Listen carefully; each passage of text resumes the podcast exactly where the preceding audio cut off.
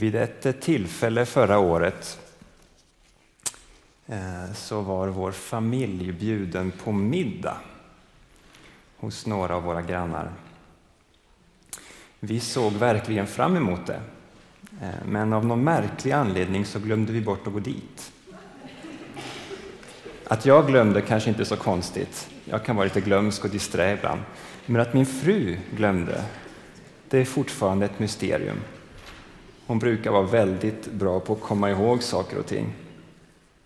Hur som helst, när grannarna ringde 45 minuter efter utsatt tid och undrade var vi var så blev vi lite skamsna. Som tur var så var vi hemma och vi kunde släppa allt vi hade för händerna och tio minuter senare så satt vi där vid middagsbordet, något skamsna som sagt. Alltså glömska står inte högst i kurs, högt i kurs. Det är inte något man skryter med direkt. Ändå så betonar Paulus i den text som vi ska läsa nu, ändå betonar han att det finns en sund glömska. Och det är den goda glömskan jag ska prata om idag. Vi läser från Filipperbrevet kapitel 3, vers 7 till och med 16. Men allt sådant som var en vinst för mig har jag för Kristi skull kommit att räkna som en ren förlust. Ja, jag räknar faktiskt allt som en förlust jämfört med det som är långt mera värt, kunskapen om min Herre Kristus Jesus. För hans skull har allt det andra förlorat sitt värde för mig. Jag kastar det på sophögen för att vinna Kristus och få leva i honom. Inte med den rättfärdighet som lagen ger, utan med den som kommer av tro på Kristus. Den rättfärdighet som Gud ger åt dem som tror. Jag vill lära känna Kristus och kraften från hans uppståndelse och dela hans lidande genom att bli lik honom i en död som hans. Kanske jag då kan nå fram till uppståndelsen från de döda. Tro inte att jag redan har nått detta eller redan har blivit fullkomlig. Men jag gör allt för att gripa det när nu Kristus Jesus har fått mig i sitt grepp. Bröder, jag menar inte att jag har det i min hand, men ett är säkert, jag glömmer det som ligger bakom mig och sträcker mig mot det som ligger framför mig och löper mot målet för att vinna det pris där uppe som Gud har kallat oss till genom Kristus Jesus. Det är så vi ska tänka, alla vi fullkomliga. Och har ni en annan mening på någon punkt skall Gud upplysa er även där. Men låt oss fortsätta på den väg som har fört oss hit. Kristen tro handlar ju i mångt och mycket om att komma ihåg. Alltså tänk till exempel på nattvardens instiftelseord. Gör detta till minne av mig, säger Jesus. Och när vi gång på gång delar nattvarens måltid så, så för vi vidare minnet av Jesus, om hans död och uppståndelse. Vi fortplantar det in i framtiden. Och nu tror jag i och för sig att nattvarden är mer än bara en minneshögtid, men det är inte mindre än det. Minnet är en viktig beståndsdel i kristen tro. Eller tänk på predikan. Att predika det handlar ju mångt och mycket om att återberätta evangeliet gång på gång. Eh, ur olika perspektiv visserligen och på olika sätt, men ändå alltid att återberätta evangeliet så att en troende kan eh, få hjälp att leva som Jesu lärjunge. Den kristna trons betoning av minnet eh, det handlar inte om nostalgi. Det handlar inte om att liksom gräva i det förflutna för att eh, Eh, liksom fly från nuet. Nej, att minnas den bibliska historiens händelser, det är en framtidshandling. Alltså när vi ser tillbaka så är det för att inte tappa kursen i nuet. Minnet, ja, det är nödvändigt för att gå framåt i rätt riktning. Det är först när vi vet hur vi har kommit hit som vi vet hur vi ska kunna komma vidare. Och Det är därför Paulus säger i vers 16, låt oss fortsätta på den väg som har fört oss hit. I ett annat avsnitt som vi ska läsa nu från Efesierbrevet 2, vers 11-13 så säger Paulus så här. Kom därför ihåg att ni som av födseln var hedningar och kallades oomskurna av dem som kallas omskurna med den omskärelse som utförs på kroppen av människohand. Kom ihåg att ni på den tiden var utan Kristus, utanför medborgarskapet i Israel, utan del i förbunden och deras löften, utan hopp och utan Gud när ni levde i världen. Men nu, tack vare Kristus, Jesus, har ni som en gång var långt borta kommit nära genom Kristi blod. Kom ihåg, säger Paulus, kom ihåg. Ni var utan hopp och utan Gud, men nu gäller något annat. Minnet är nödvändigt för vår inriktning. Och ändå, som sagt, så säger Paulus i den text från Filipperbrevet som vi nyss läste, ändå säger han, jag glömmer det som ligger bakom. Det verkar alltså finnas en god glömska. Och då uppkommer ju frågan, vad handlar denna goda glömska om? Vad handlar denna goda glömska om? Ja, det handlar ju inte om att glömma vissa fakta. Alltså, det handlar inte om glömska i vanlig bemärkelse. Jag menar, Paulus har inte drabbats av eh, minnesförlust helt plötsligt. Han kommer fortfarande ihåg sin historia. Han vet vad som har hänt tidigare i livet. Men det han glömmer, det han väljer att lägga bakom sig, det är sina gamla meriter som lagtrogen jude. Han har glömt sin gamla identitet i bemärkelsen att han väljer att inte gå omkring och fundera så mycket på den. Hans sinne och hans uppmärksamhet är riktade åt ett annat håll. Han är upptagen av Jesus. Förut hade han sin identitet i, i sin duktighet som en lagtrogen farisé. Nu har han sin identitet i Kristus. I den bemärkelsen har han glömt det som ligger bakom. Det är inte längre viktigt för honom. Han tänker inte så mycket mer på saken. Det tillhör det förgångna. Jag har en fråga till dig idag. Vad lägger du din identitet i? Det kan ju vara många olika saker. Det varierar väl från person till person. Man kan ha sin identitet i att vara en god förälder till exempel. Eller i att ha ett välinrett hem. I att vara den som är rolig och skämtsam eller eh, i att vara social. I att vara duktig, i att prestera inom sitt kompetensområde. I att vara plikttrogen och hjälpsam. I att vara den som ställer upp. I att vara skötsam och ordningsam. I att vara duktig i skolan eller på jobbet i att vara snygg eller ha de rätta kläderna, i att ha ett städat hem eller ett fint hus. Ja, du vet själv vad som gäller för dig. om du inte vet det, då tycker jag du ska fundera en del på saken. För den här typen av självkännedom är ganska bra för den som vill mogna som lärjunge till Jesus. Det betyder inte att man ska fastna i någon slags osund navelskådning och och bli liksom sjukligt självupptagen. Men att någon gång ibland, någon gång ibland, kanske med hjälp av en klok andlig vägledare, någon gång ibland få se sig själv, möta sig själv, bli varse om vad det är jag lägger min identitet i, vad som styr mig i vardagen. Det är nyttigt. Det är det första steget för att som Paulus kunna säga, jag glömmer det som ligger bakom mig. Det vill säga, allt det där som varit min identitet, det kastar jag på sophögen. Det är starka ord. För att fortsätta använda Paulus egna ord, jag räknar faktiskt allt som en förlust jämfört med det som är långt mera värt, kunskapen om min Herre Kristus Jesus.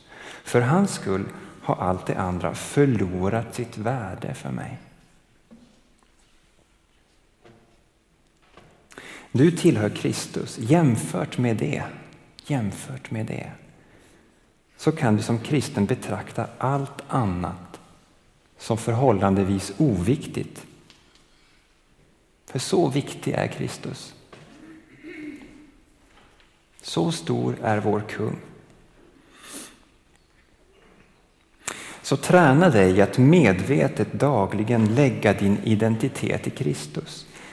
I att du tillhör hans kropp, den kristna församlingen. Träna dig i den goda glömskan. I att som Paulus glömma det som ligger bakom och sträcka dig mot det som ligger framför. Det gäller också saker som, som inte är meriter. Alltså saker som man inte berömmer sig av. Besvikelser. Till exempel.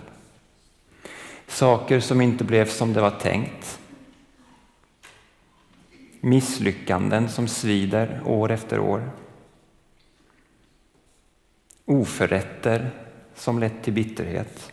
Även sådana saker. Sånt vi inte gärna skryter om med. Även sådana saker kan vi som troende få glömma. Inte i bemärkelse att vi faktiskt inte kommer ihåg dem, men i bemärkelse att de inte längre styr våra liv.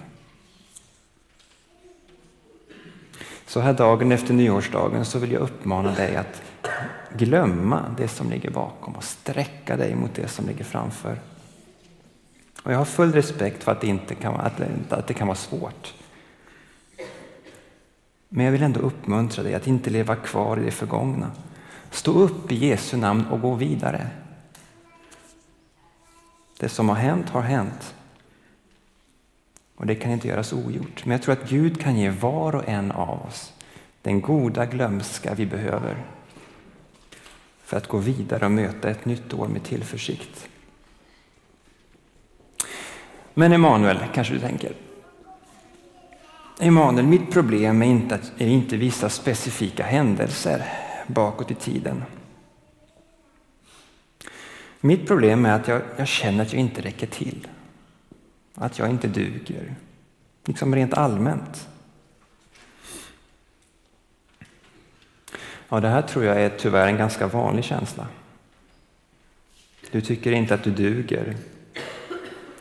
Du upplever någon slags diffus kravkänsla som du inte kan förklara men som styr ditt liv.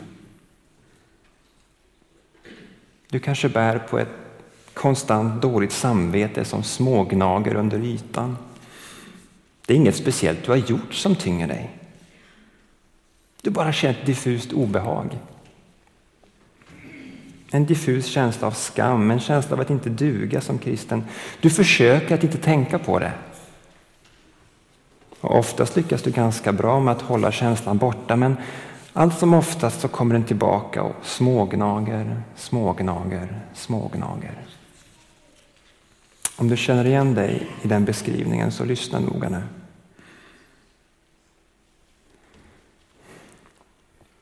Det finns så mycket onödigt dåligt samvete hos alldeles för många kristna.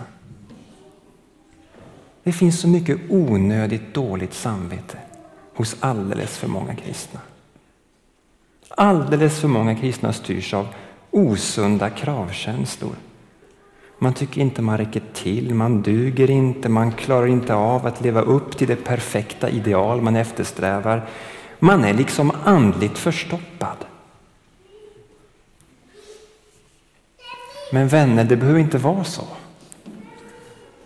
Vi kan lägga liksom osunda skamkänslor bakom oss. Din drivkraft som kristen ska inte vara dåligt samvete.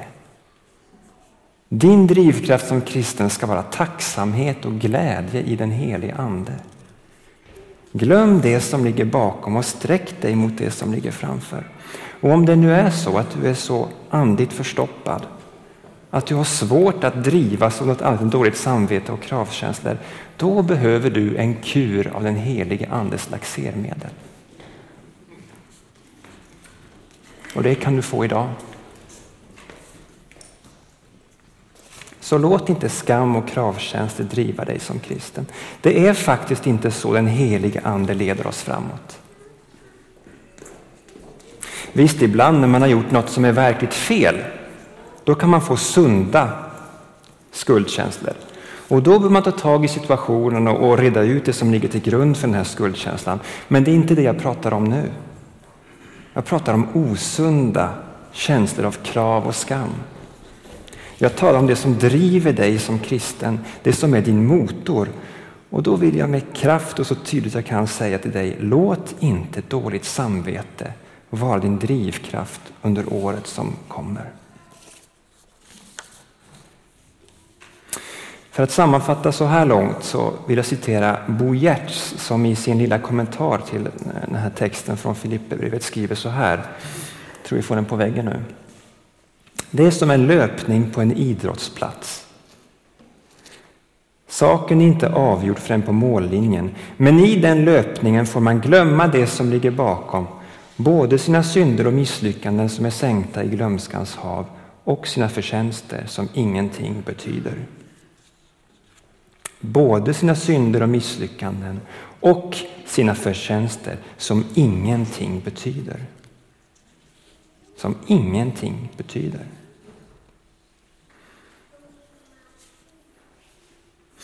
Vi går tillbaka till dagens text. Jag vet inte om du märkte det, men Paulus använder ordet fullkomlig två gånger.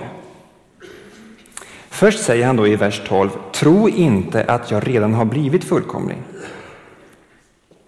Sen säger han i vers 15, det är så vi ska tänka alla vi fullkomliga. Alltså hur ska han ha det? Är han fullkomlig eller är han inte? Och förresten, vad menas egentligen med fullkomlighet? Vad menas egentligen med fullkomlighet? Det här har kristna debatterat genom kyrkohistorien. Alltså hur pass Jesuslik kan man bli? Och en del har betonat människans syndfullhet så starkt att man har tappat allt hopp om förvandling. Andra har, har betonat helgelsen så mycket att man har blivit helt orealistisk i sina krav på sig själv och på andra. Så hur är det? Det grekiska ordet är teleios och det står för något eller någon som är fullkomlig, hel, fullvuxen, mogen eller perfekt. Min engelska översättning använder faktiskt ordet perfekt, perfect, här i, i, i vers 12. Tro inte att jag har nått fram till det perfekta, säger Paulus. Och ändå betecknar han sig själv några verser senare som en av de fullkomliga, en av de mogna. Det finns alltså en slags, en slags paradox här. Och lyssna nu. Fullkomligheten, tror jag. Fullkomligheten ligger i att man inte anser sig själv vara perfekt, men att man samtidigt strävar mot målet. Enligt Paulus så ligger fullkomligheten i att man är på väg, i att man löper mot målet. En mogen kristen inser att han eller hon inte är färdig, men en mogen kristen inser också att det går att komma närmare Jesus. Fullkomligheten ligger i inriktningen, på väg mot Kristus. Det är så vi ska tänka alla vi fullkomliga, säger Paulus. Och en del bibelforskare tror att han här kanske är lite ironisk, att han vänder sig mot ett gäng i Filippi som, som såg sig själva som de perfekta och enligt den tolkningen då så tillrättavisar han dem genom att vara lite ironisk. Och det må vara hur som helst med just den sak, men poängen är tydlig. Vi är inte framme än, vi är på väg. Om fullkomligheten ligger i inriktningen, ja då är det av avgörande betydelse att veta vad som är målet för resan. Annars kan det bli hur galet som helst. På, på 300-talet så skrev kyrkofadern Athanasius så här om vikten av att ha rätt mål i livet. Han använder sig av en liknelse. Så här låter den. Om en ryttare bestiger en häst på galoppbanan och inte bryr sig om det utsatta målet utan bara driver på hästen så mycket han förmår då stöter han ofta ihop med dem som möter honom. Kanske stöter han ut för en brant när han låter sig drivas av hästarnas snabbhet och tror att han inte missar målet om han bara far fram. Han tänker bara på rikten och märker inte att han är långt borta från målet. Jag tycker det här är en väldigt talande bild. Eh, och kanske borde vi i Ryttargårdskyrkan ta till oss lite extra av en liknelse som handlar om just en ryttare, vad vet jag. Eh, en ryttare som far fram i full galopp men utan ett tydligt mål. Och det här utmanar oss idag. Nästan 1700 år efter att Athanasios skrev de här orden. Fullkomligheten ligger i inriktningen, ja. Men det handlar inte om vilken riktning som helst. Det handlar om att ha siktet inställt på Jesus. Inget annat mål duger. Eller som Hebreerbrevet uttrycker det, vi läser de tre första verserna i kapitel 12. När vi nu är omgivna av en sådan sky av vittnen, alltså det vill säga alla troshjältar från Gamla testamentet som han talar om i kapitlet innan. När vi nu är omgivna av en sådan sky av vittnen, låt oss då även vi befria oss från allt som tynger, all synd som ansätter oss och hålla ut i det lopp vi har framför oss. Låt oss ha blicken fäst vid Jesus, trons upphovsman och fullkomnare. För att vinna den glädje som väntade honom uthärdade han korset utan att bry sig om skammen och sitter nu till höger om Guds tron. Tänk på honom som har uthärdat sådan fiendskap från syndare så att ni inte tröttnar och förlorar modet. Så att ni inte tröttnar och förlorar modet. Blicken fäst vid Jesus. Att följa honom, det är vår inriktning, vårt mål, vårt fokus ända in i döden, om det skulle behövas.